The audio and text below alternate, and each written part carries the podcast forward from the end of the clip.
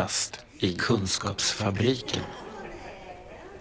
Ja, jag heter ju Patrik Åkerblom och eh, är 46 år och är född och uppvuxen här i Umeå.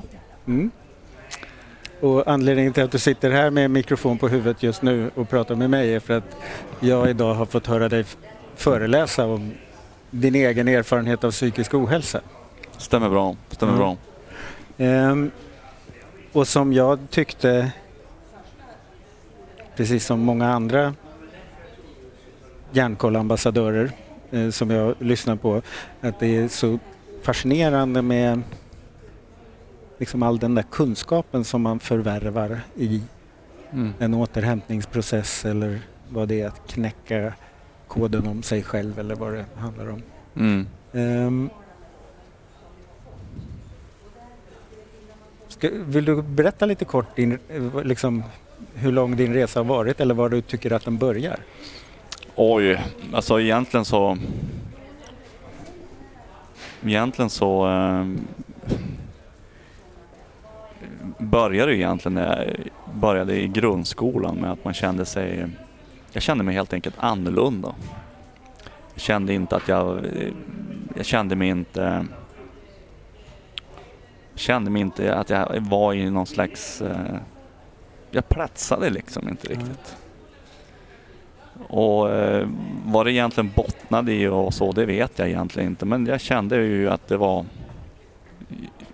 Jag brukar säga så att skolan är ju till för alla. Men alla är inte till för skolan. så brukar jag tänka. Och jag var ju den som Ja. inte trivdes att vara i den där miljön Mm. och, och sådär. Vad hände då? När du ändå var där gissar jag. för man- Ja, jag var ju där. Jag var ju väldigt plikttrogen. Jag skolkade i princip aldrig under, under min, min tid i skolan. Och jag var ju dit. Eh, jag har ju, I grund och botten så var det att jag hade läs och skrivsvårigheter, eller har fortfarande läs och skrivsvårigheter. Dyslexi som det heter idag. Ordblind som det hette Ordblind då. sa man också. Mm. Då sa man att man var ordblind. Och jag menar, jag eh, tillhörde ju inte liksom, när jag gick i skolan så fick jag ju oftast lunka iväg till en så kallad klinik, en speciallärare. Där jag då skulle vistas på svenska lektioner, på mattelektioner och på, ja, många, må, många av mina lektioner så vistades jag hos en speciallärare. Och redan där så kände jag att jag var ju annorlunda för att jag var ju en av de här få som var där. Mm. Och, och jag upplevde ju att det var ju lite skamligt och, och, och, så för det var oftast en undanskymd plats på en skola. Jag minns att det oftast var nere, det oftast nere i en källare. Eller i en lång korridor. Som för att understryka Ja. sy- symboliken i det hela. Mm, att, eller att det var liksom en korridor långt bort. Mm. I något rum som egentligen inte var till för något men där har vi specialungarna. Ja. Och så var det någon dörr där man gick in i och så var det ytterligare en dörr och där fanns det en liten vrå. Så jag kände väl att jag var annorlunda på det sättet. Mm. Och det, det me- medförde för mig mycket sk- skam. Och det tog ju, eh, alltså upp i mitt vuxna liv, jag var ju 26 år när jag fick eh, alltså en diagnos på att jag hade dyslexi efter en Mm. utredning. Men det har ju inneburit mycket smärta för mig. Du berättade också här på föreläsningen väldigt utlämnande och starkt om, om eh, din panikångest i skolan. Mm. Eh, Det var ju också som en sak som jag, på grund av att jag hade läs och skrivsvårigheter och den sårbarhet som jag kände, så utvecklade jag också den här sociala fobin att vistas i skolmiljöer. Och det resulterar i att jag i, i situationer i skolan där jag kände mig ja, trängd eller där jag kände mig obekväm så fick jag ju panikångestattacker. Från början var det att jag flydde ju. Jag, jag, jag sprang ju hem. Så fort jag skulle. Så i valet av att slåss eller fly så flydde du. Jag flydde, ja. För att på något sätt överleva situationen för den var, var ju obehaglig. jag ville ju inte avslöja att jag inte kanske förstod. Jag ville inte avslöja att jag kanske inte kunde läsa tillräckligt bra som mm, ja, vuxenvärlden eller skolan förväntas av mig att jag skulle kunna. Och därför flydde jag. Hur tolkade omgivningen det där beteendet? Vad sa de i skolan? Jag vet egentligen inte riktigt vad de sa. Jag minns bara att det var det här att man... Eh, jag upplevde att eftersom jag då är eh, en grabb, en poj, jag var en skolpojke, så upplevde jag det här att pojkar skulle inte gråta och pojkar skulle inte visa känslor. Och, eh, det kände jag också någon slags skam över att jag tyckte det var jobbigt att få höra att jag var ett känslobarn. Mm. Det var som, som jag upplevde som att det var någonting fult. Och framförallt att jag var en pojke som kunde, hade lätt till, till gråt. Och, ja, jag visar, mina, jag visar Mm. verkligen hur, hur jag upplevde saker och ting.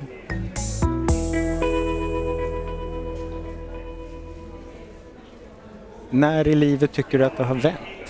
Liksom, vad har varit den viktiga vändpunkten för dig? Den absoluta eh, vändpunkten var väl egentligen hösten 2014 när eh, jag och min sambo som jag hade levt med i tio år separerade. Eh, hon, eh, ja, bokstavligen kanske jag inte ska säga men typ. Hon kastade ut mig efter tio år. Och i samband med att hon ville att vi skulle bryta upp förhållandet så kände jag inom mig själv att jag kände liksom en, någon slags lättnad över att relationen var över. Men jag tror någonstans att jag kände att nu, nu är det någonting jag måste ta tag i. Jag måste ta tag i någonting. Jag kunde inte riktigt då sätta fingret på det mer än att jag visste väl kanske att det hade gått under, några, eh, under ett antal år att jag, när jag ins, där jag insåg att jag måste sluta äta antidepressiv medicin för att sluta fly. Mm. För du hade haft depressioner innan och Ja, jag hade ju med kombination av panikångestattacker och ja. depression så åt jag då antidepressiv medicin i ja, cirkus 10 år. Mm. Och ungefär 4-5 månader efter vi hade separerat så bestämde jag mig för att jag skulle göra den här nedtrappningen själv. För jag hade något år innan varit i kontakt med sjukvården om det här med att jag kunde, jag tyckte inte att det att jag var tvungen att ta mig ur min medicinering men, men de tyckte inte att jag skulle jag skulle Nej, det kan ju vara smärtfullt, så att, eller smärtsamt. De ville inte att jag skulle sluta med medicin. Men jag bestämde mig själv att jag skulle göra den nedtrappningen själv och gjorde det. Vad hände då? Det hände ganska mycket.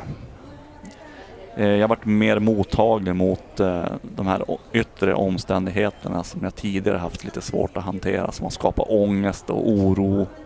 De kom tillbaks. De kom Mm, tillbaks. Och ju mindre eller ju lägre dos jag hade i kroppen desto mera eh, känslig blev jag mot de här sakerna som, som har stört mig. Men någonstans visste jag att visste jag att det här, det här är någonting som kommer att ske. Det, Just gäller, det, det, gäller. det, det, du gick in där med berått mod, så att säga, i den här nedtrappningen Mm. att nu kommer det att komma tillbaks. Mm, Men va, då hade du någon strategi då för att bemöta det? Eh, Jag hade väl lärt mig en del saker och kanske hade lite verktyg att eh, försöka hantera de här sakerna. Och att det som kommer till mig, det är meningen att det ska, det ska komma. För att jag ska liksom eh, facea dem på ett bra sätt. Sen har jag haft jättemycket stöd av olika människor som har gått igenom svåra saker eller svåra situationer i, i, ja, i deras liv så att säga. Känns det i efterhand som att det var värt det? Eller alltså att det, ja, det har varit värt, Mm. varenda, det har varit värt varenda sekund. Jag, jag har du varit så liksom upptäckt ett nytt sätt att vara på eller vad ska man säga, det du känner idag om, kring dig själv, är det något annat än har, har den där, att gå igenom det där stålbadet som det ändå låter som, har det öppnat någon slags ny dörr eller? Jag känner mig som en helt annan människa idag. Jag känner mig inte lika...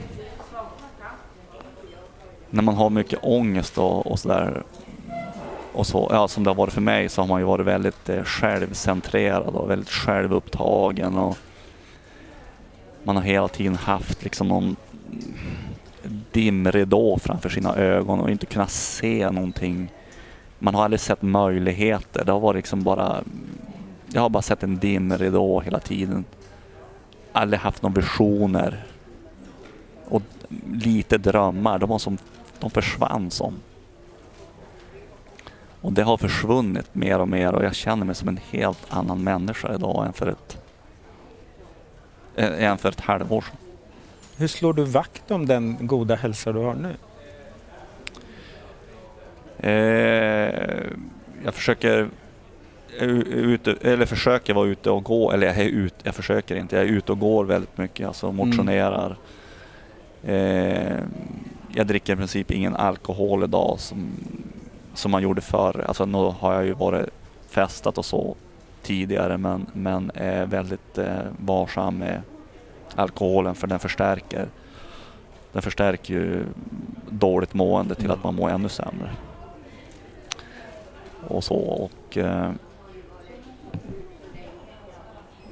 jag försöker vara mera snäll mot mig själv liksom liksom inte vara så dömande och sådär. Vara lite mera ödmjuk. Ehm, söker du andra kvaliteter idag än vad du sökte förr? Eller kickar eller upplevelser? Jag känner bara att jag liksom håller på att bli, jag håller på att bli det, jag tror att jag håller på att bli det jag egentligen ska ha blivit från början. Att jag har levt i en illusion av rädslor och så och då har jag spelat ett spel på att visa utåt att, att jag, är, jag, jag är egentligen någonting annat. Hur vet vi vad som är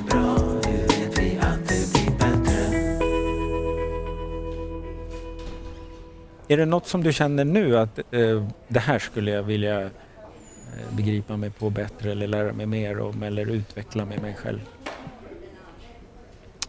Oj. Jag vet inte riktigt. eh. Jag känner att jag är på väg någonstans och till någonting som jag kanske någonstans inom mig har längtat till. Jag kan se någonstans i min, ja, i min ögonvrå eller lite på sidan om min, mitt synfält att jag håller på att måla upp någonting eller försöker sk- skapa någonting som jag vill vara i eller som jag vill utveckla. Härligt. Jag vet inte riktigt, eh, jag vet inte riktigt vad det är. Eh, för att jag har ju i många år hållit mig från att kanske arbeta och sånt där. För jag har känt mig att jag har inte vågat vara på en arbetsplats för att jag varit för rädd för att avslöja att jag har panikångest eller att jag är Mm. osäker. Eller, Och nu då plötsligt när du har insett att det, det kan du hantera. Eller rättare sagt du kan stå för att du har det. mm, jag kan Eh, stå. Så då är ju plötsligt då, då är varenda dörr olåst Mm. egentligen. Det är så jag Ja, känner, det är så jag känner just nu att det det håller, det, jag, jag, jag, jag tror så och känner så att det är Mm. någonting som håller på att skapas. Ja, och jag är inte riktigt där än. Jag vet inte riktigt själv vart jag är på väg. Mm. Jag har bett Arbetsförmedlingen om hjälp så att jag ska få, få hamna på någonting som heter arbetslivsresurs. Där man ska liksom ja, sondera den här terrängen eller den här djungeln av vilka möjligheter jag kanske har.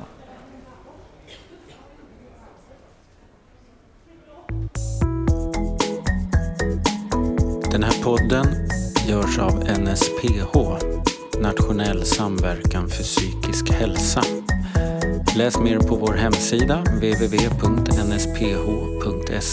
eller följ oss på Facebook, Kafferast i Kunskapsfabriken.